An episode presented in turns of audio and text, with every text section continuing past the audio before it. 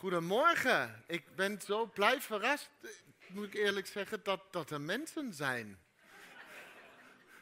Ik had verwacht dat jullie allemaal weekenden weg zijn. Uiteraard zijn denk ik zeker zo'n 20, 30 mensen vanuit onze gemeente op kinderkamp. Uh, de een of ander zal ook op opwekking rondwalen. Uh, maar jullie zijn er. Mooi. Ja, ja ik ben echt uh, flabbergasted. Goed. Ik heb nog één mededeling trouwens, die wil ik even laten zien. Want gisteren zijn, uh, uh, dat, dat, hebben we heel spontaan, daarom heeft Lisa de die gewoon. Uh, Rob Schoonaert en Gonnie Villekes getrouwd. En dat was een. ik weet niet, voor, kennen jullie Gonnie en, en, Rob wel? Jawel, hè? Gonnie is de moeder van Wouter van der Zijde. Ah, die. Ja. En uh, gisteren een mooie ceremonie geweest, zeg maar een combinatie van de burgerlijke en ik mocht natuurlijk uh, inzegenen. Uh, het was een heel mooi feestje voor wat wij hebben meegemaakt en de rest was ook heel leuk, begreep ik Wouter. Ja, dus ook hem van harte gefeliciteerd, dus stuur maar een kaartje of zo. Heel goed gegaan. Um, dankjewel. Wij gaan vandaag de serie Vernieuwd Bewegen afsluiten. En ik heb ook een QR-code, vond ik leuk. En als je die scant, dan, dan kom je bij de website uh, kvdvladingen.nl slash vernieuwd bewegen. En daar zie je alle preken even op een rijtje. En we gaan in een vogelvlucht gaan we even wat tijd besteden aan de, een, een, even een korte overview van die hele serie. En dat heeft een specifieke reden.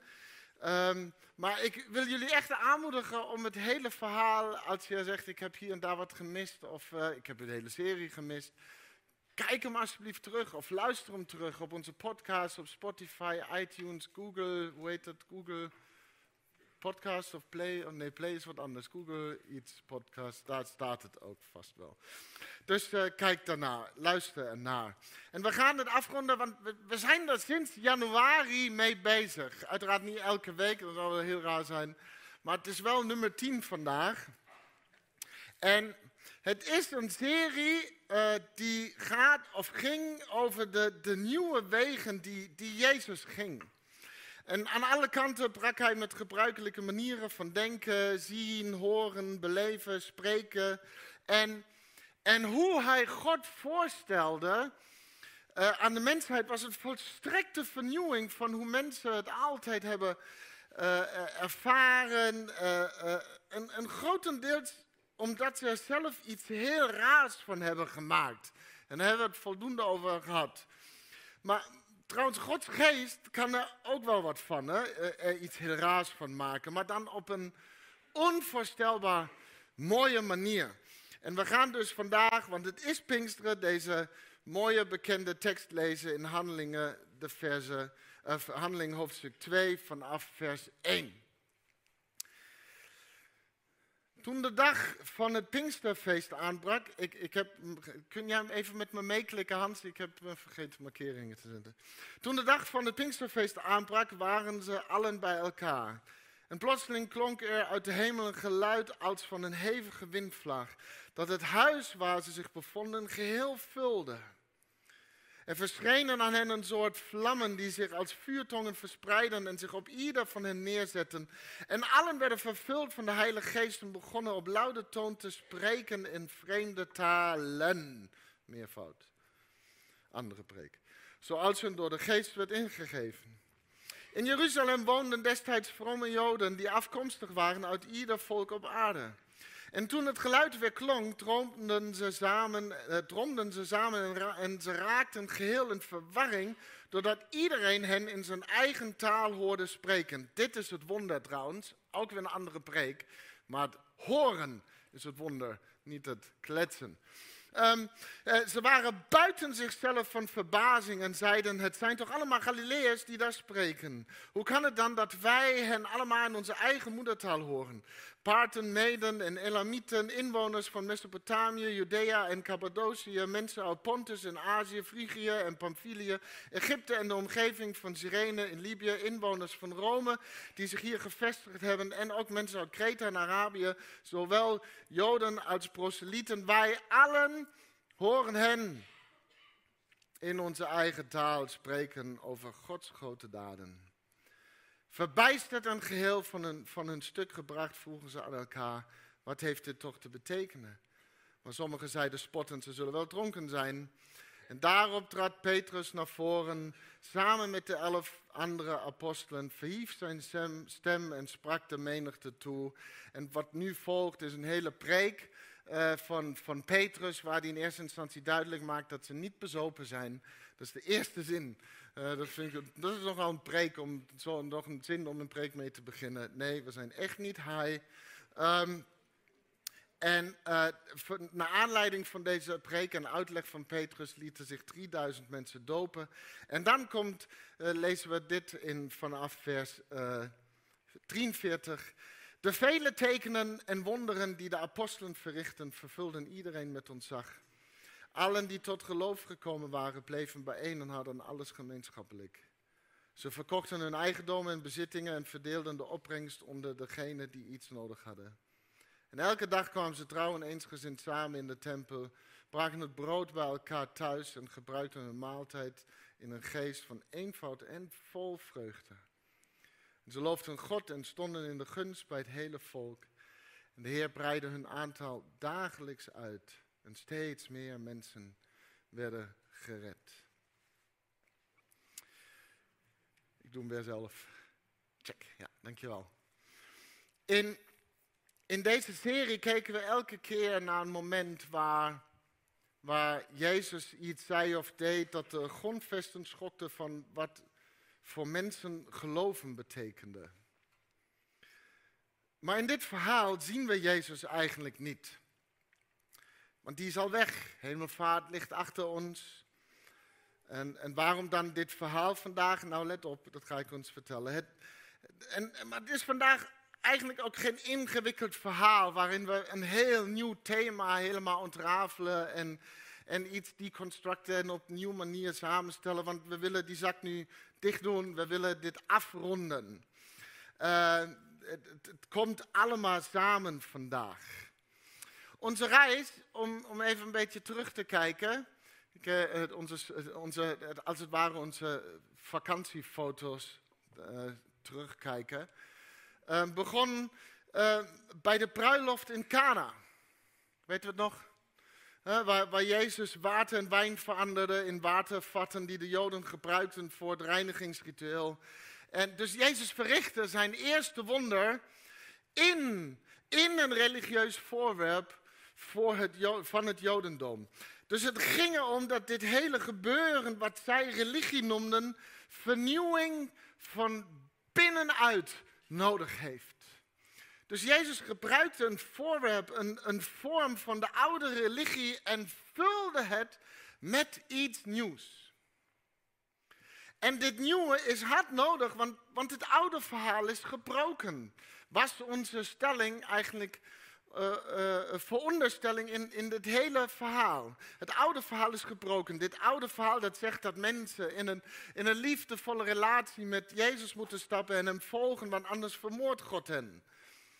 dat is een gebroken verhaal. De interpretatie van het evangelie dat we voornamelijk lijken te leven is een dualistisch winnaar-verliezer winnaar scenario, waardoor we een God krijgen die, die meer op een dictator lijkt. Een God die niet erg sympathiek overkomt. Ooit over nagedacht, een God die ons vertelt om onvoorwaardelijk lief te hebben, maar in dat verhaal dat wij allemaal geloven, doet Hij dat niet.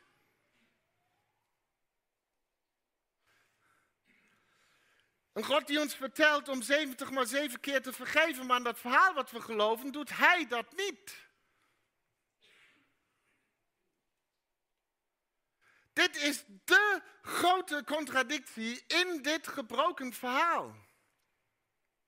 God lijkt in dit gebroken verhaal minder lief te hebben dan de meeste mensen. De meeste mensen die wij kennen zouden niet hun vijanden voor eeuwig martelen. Misschien vandaag. Of twee.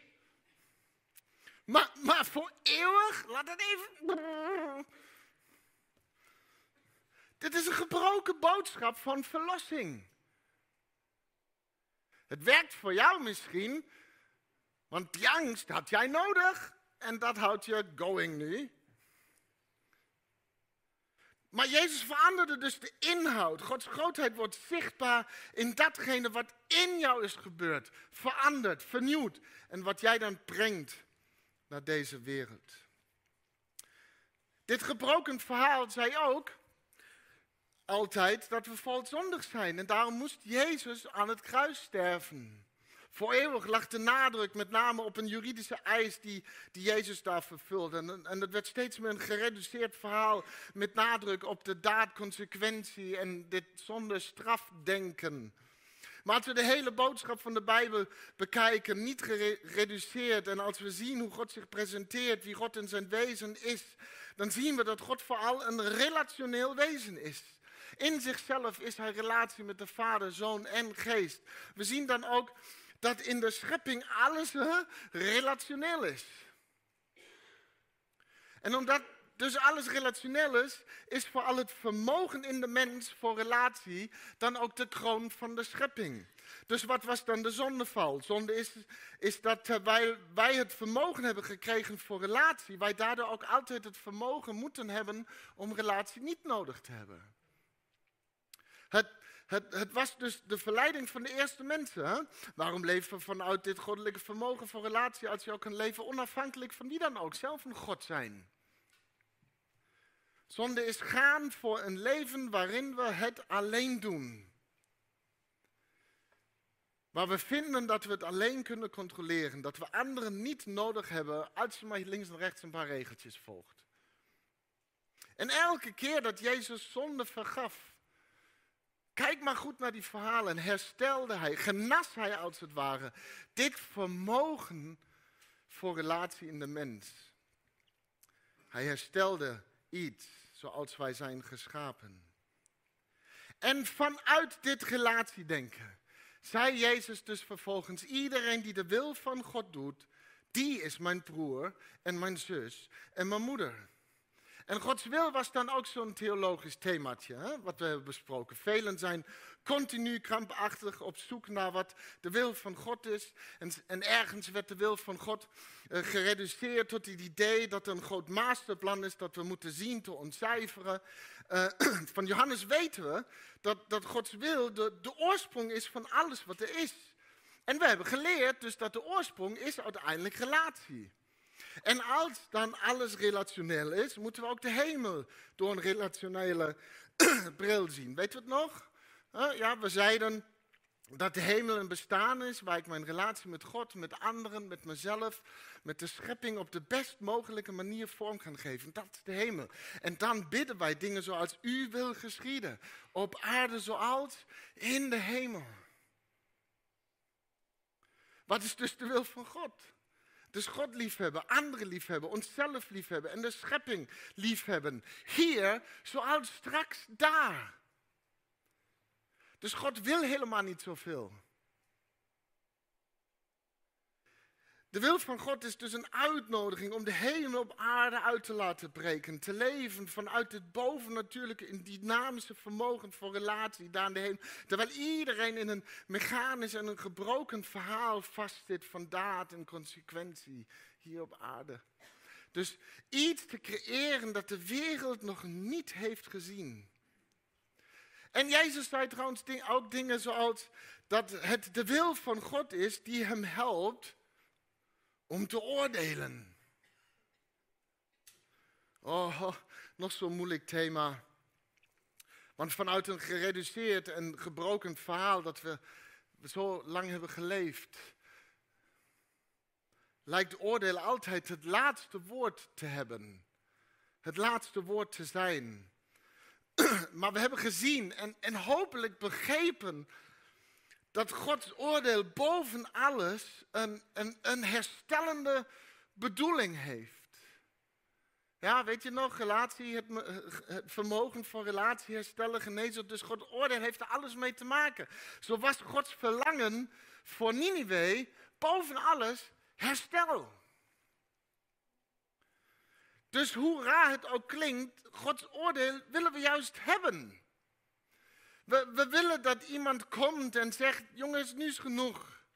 Maar niet nu is genoeg in de zin van einde verhaal afgelopen en laatste woord, maar veel meer nu is het genoeg, dit gaan we anders doen. Dit, dit gaan we veranderen.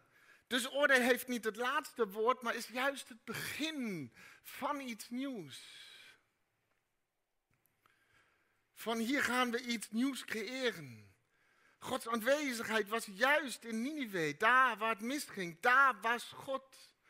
Dus Gods oordeel is herstellend en het komt met Gods aanwezigheid, met het ik ben hier. En daar is Gods oordeel dus nooit het laatste woord, maar juist het begin van een goed gesprek.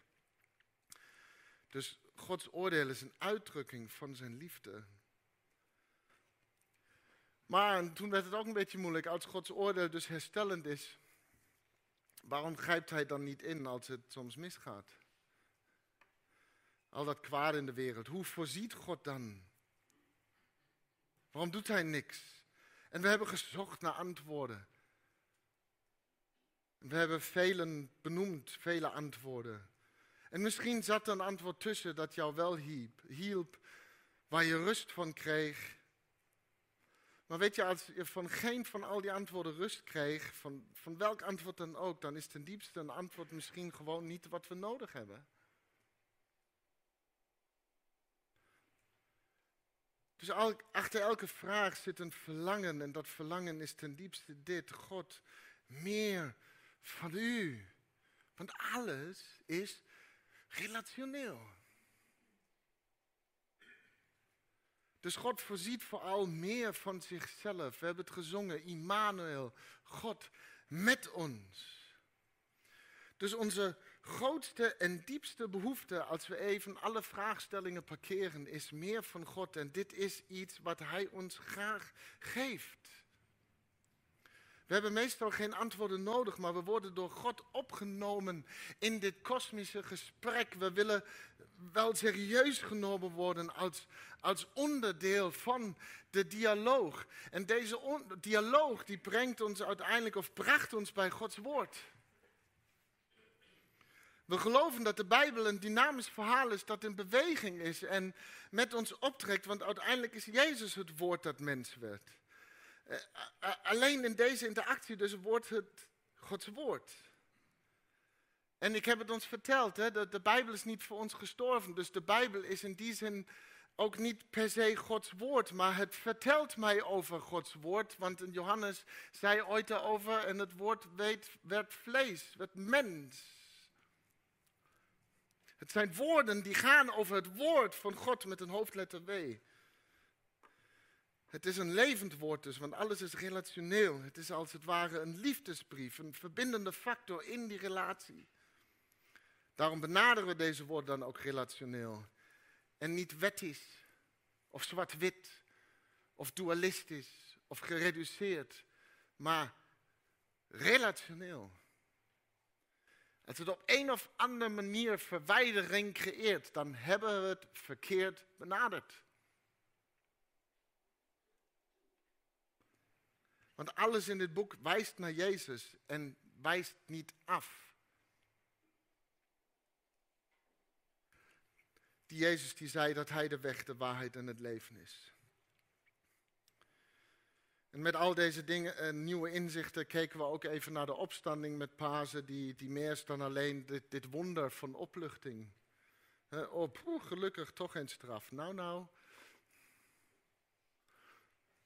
De opstanding is veel meer dan dat.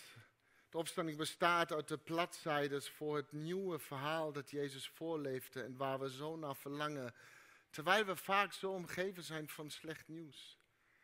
De opstanding bestaat uit de bladzijdes voor het verhaal dat we soms samen schrijven van een nieuwe schepping. De, de opstanding verkondigt in alles dat God deze wereld niet heeft opgegeven. Het is goed nieuws.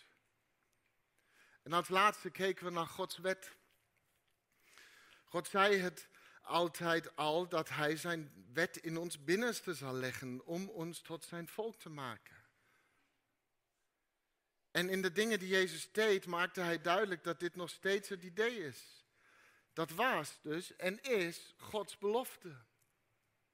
Dus Gods wet is boven alles een belofte dat Hij ons tot iets bovennatuurlijk samen zou smeden. Want uiteindelijk is namelijk alles relationeel. Gods wet als belofte dat Hij de mensheid tot zijn volk zal maken, waarbij liefde leidend is. Wat een prachtige belofte. En het hield niet op, zoals Jeremia schreef, zal de wet deze belofte in ons binnenste gelegd worden in ons hart. Dus het koninkrijk van God in ons.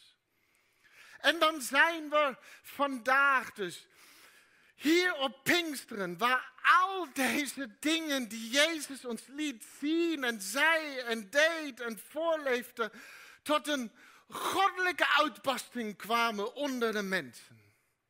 Alles draait dus om Jezus. Alles is relationeel. Alles gaat om iets nieuws creëren. Alles draait om nieuwe schepping. Het draait om het creëren van een heilige gemeenschap van mensen in het koninkrijk van God. Het draait om verbinding. Een volk waar liefde leidend is. En Jezus leefde het voor, deed het voor, vertelde het, verkondigde het, ging ervoor, stierf ervoor en stond ervoor op uit de dood. En ik hoop ik hoop dat we dit mogen zien en beleven vandaag. Ik snap dat we allemaal zo onze beelden hebben en hadden over al deze onderwerpen. Hè? Zonde, Gods wil, oordeel, Gods woord, Gods voorziening, de wet enzovoort. En we hebben denk ik veel nieuwe inzichten gewonnen, een andere perspectief, een vernieuwde kijk op de dingen, een veel groter en mooier verhaal. En misschien voel je je zelfs bevrijd van oude en gebroken verhalen die zo lang je leven beheersten en misschien zelfs traumatiseerden.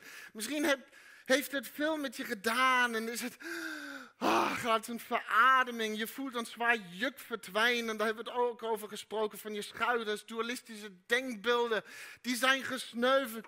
En prijs de Heer voor al dit. Prijs die God die dit in ons teweeg brengt. Dus dank u Jezus voor de nieuwe wegen die we mochten zien en, en hopelijk begrijpen. Maar dit alles betekent absoluut shit.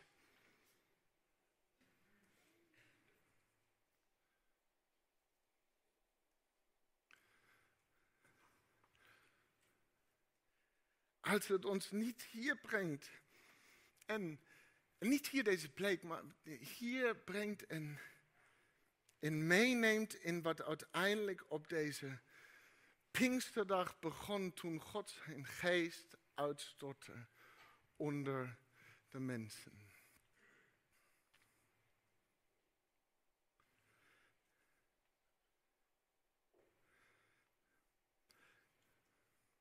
Begrijpen en inzien betekent vrij weinig. Als het niet tot leven komt in wat met Pinksteren tot leven kwam.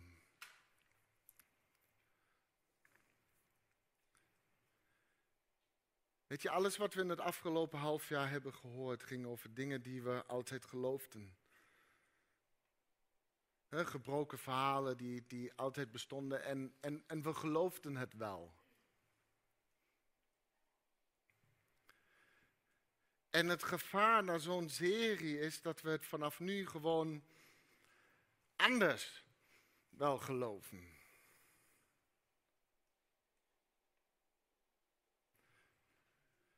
We, geloven het wel, maar echt nu echt super anders.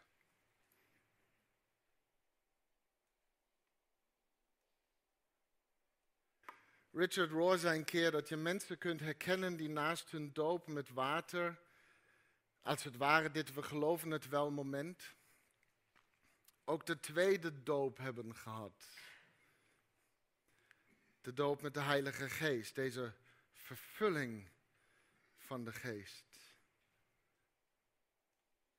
Je herkent die mensen meteen, want het zijn de mensen die de neiging hebben om constant lief te hebben. Het zijn de mensen die opgewekt overkomen. Niet die je op opwekking tegenkomt, maar de mensen die opgewekt overkomen.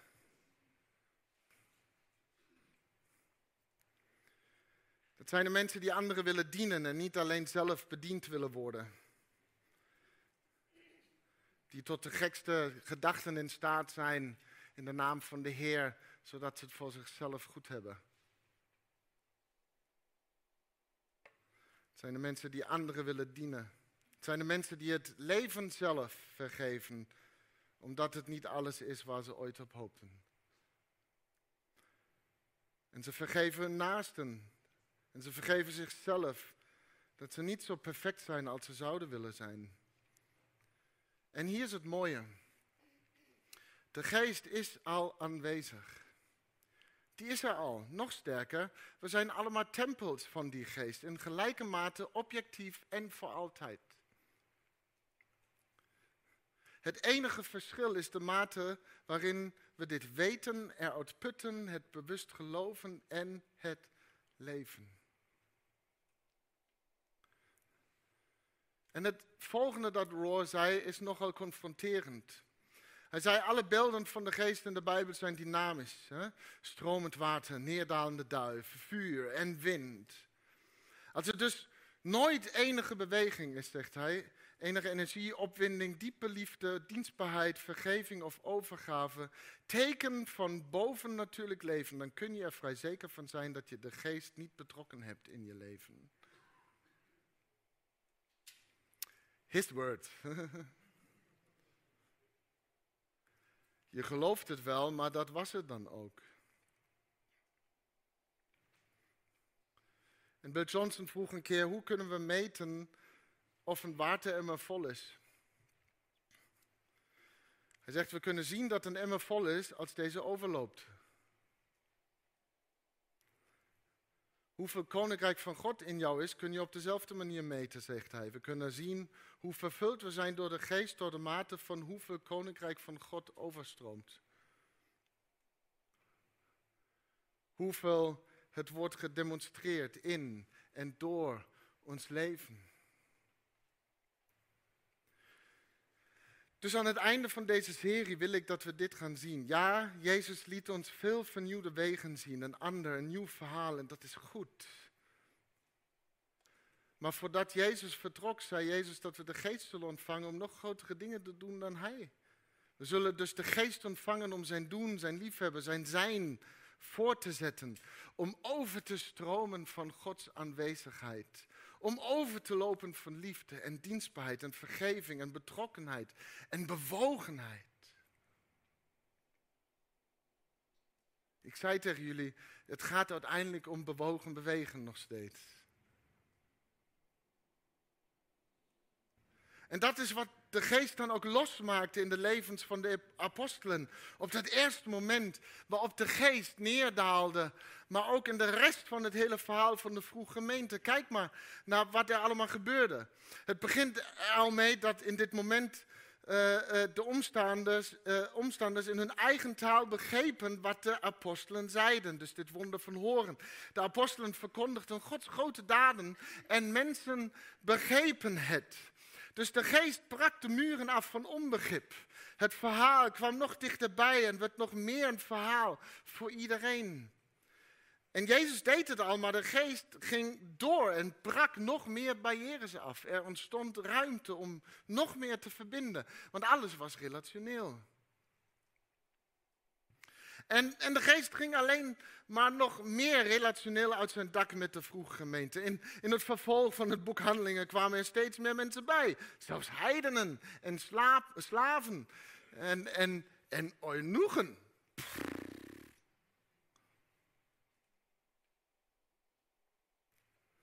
Dus het verbond werd steeds groter en breder en diverser.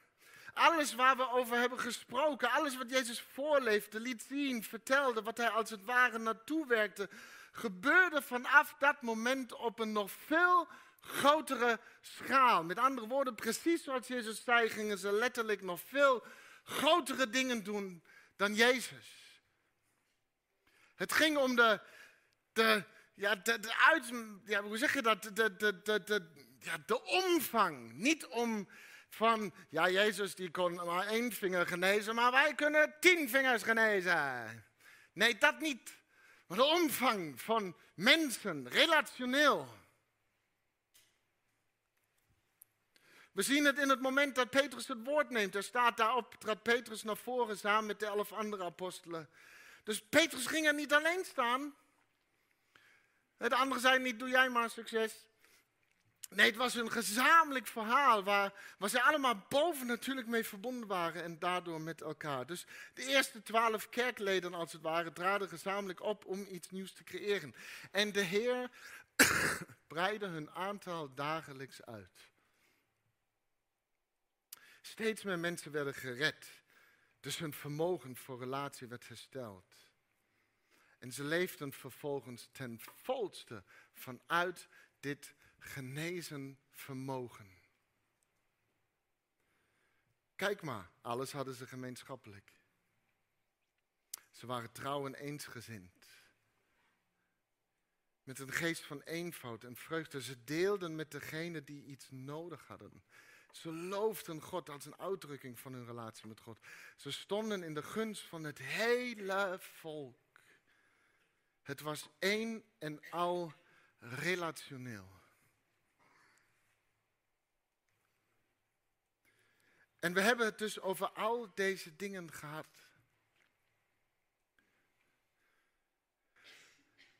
nog een keer terug. Dus er was verandering van binnenuit. Ze leefden vanuit het goddelijke vermogen voor relatie. De hemel op aarde brak uit. God kwam en zei: Nu is het genoeg, dit gaan we vernieuwen. Ik ben er door mijn geest. God voorzag in meer van zichzelf. En het wijst altijd allemaal naar Jezus als de weg, de waarheid en het leven. Met een opstanding als bodem voor het nieuwe. Want hij heeft het beloofd dat hij hen tot een volk zal maken. Maar alles wat ik ons heb verteld is ergens nutteloos. Als het niet leidt tot dit diepe besef, deze intensieve en intrinsieke overtuiging dat dit alles is relationeel, niet alleen een vernieuwde uitleg is van een paar theologische dilemma's, maar dat het een volstrekt vernieuwde, door de geest aangewakkerde en geleide manier van leven is. Dus we hebben niet alleen even vandaag de theorie een beetje aangepast. Een fijn, fijne theorie, dank u wel. Alles is relationeel, top uitleg. Maar weet je, zonder de geest ben je met niets of niemand verbonden. Het verlangen in jou, dat wil blijven verbinden en dat wil blijven relateren en, en communiceren, dat is, dat is wel de geest in jou. En hij wil ruimte krijgen. Hij wil je vervullen. En ik hoop dat we dat snappen, want wij maken van dit vervullen en doop van de geest, eh, dat zijn allemaal taaldingetjes, maar het is niet iets wat van buitenaf gebeurt.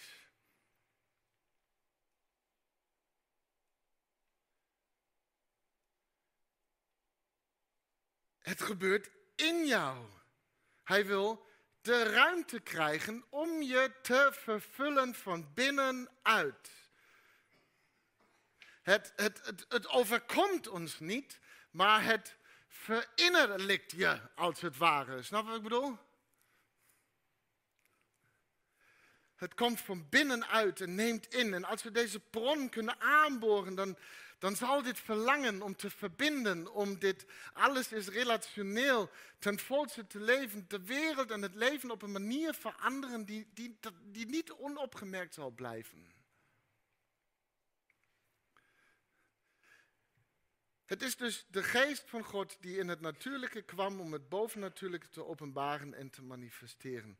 En met de geest in ons zijn wij, manifesteren wij Jezus in deze wereld.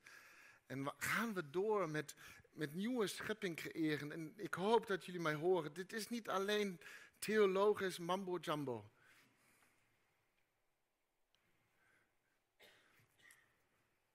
Maar we zullen nog grotere dingen doen dan hij. In omvang. Dus vanwege Pinksteren konden hemel en aarde nog meer met elkaar botsen. Er was maar zoveel hemel die zelfs Jezus, dus God zelf, op aarde kon brengen als één man. In, in wie wel de aanwezigheid van God verbleef. En weet je, hoewel Jezus er in een oogwenk voor had kunnen kiezen om elke dimensie van de ruimte te overspoelen met zijn glorie, had hij een ander plan in gedachten. Dus om twee werelden, hemel en aarde, samen te brengen, zou hij hmm, de mensheid gebruiken.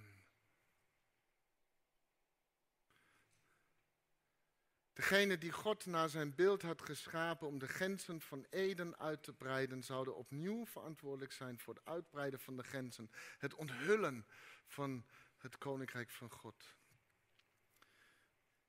Dus Gods toekomst kan niet meer stuk als we ons aan de geest, die zich als een scheppende en vernieuwende kracht door deze wereld beweegt, durven te verbinden. Want uiteindelijk is alles Want alles is relationeel en blijf dat alsjeblieft leven en vasthouden en nodig die geesten uit. En misschien zeg je, ik zie het niet Dennis. Geen idee waar je het over hebt, ik zie alleen maar die shit en wat jij allemaal verkeerd doet en die verkeerd doet en hier heb ik geen zin meer in en dat zie ik ook niet. Ik kijk daar niet eens meer naar, ik zie het niet. Ga maar op YouTube, daar is een mooi experiment, een video dat heet de, de Awareness Test. Misschien ken je dat. Er zijn twee groepen van een aantal mensen. Een, een team met witte shirtjes en een team met zwarte shirtjes. En die, uh, allebei de teams uh, lopen door elkaar heen en, en spelen bal naar elkaar toe. En dan is voor jou de vraag om te tellen hoe vaak het witte team de bal naar elkaar gooit. En dan uh, vaak in groepen gedaan en dan zeg je, dan is het experiment voorbij. En, en dan wordt gezegd van ja, uh, nou, de witte groep die heeft uh, eh, 17 keer de bal naar elkaar gegooid. Uh, we hebben het goed, hè, want we zitten zo gestrikt van winnaar. Mm. Ja. En dan, dan zegt die instructeur van, ja, dat klopt. 17 keer. Maar heb je ook die persoon in een gorillapak door het beeld zien lopen? En dan kijken ze nog een keer naar dat video. En 96% van alle mensen zien de eerste keer dat ze het video kijken, gewoon de gorilla niet door het beeld lopen, die echt zo doet. Ja. Want wij kijken voornamelijk naar de dingen die ons verteld worden om naar te kijken, of die we onszelf vertellen om naar te kijken.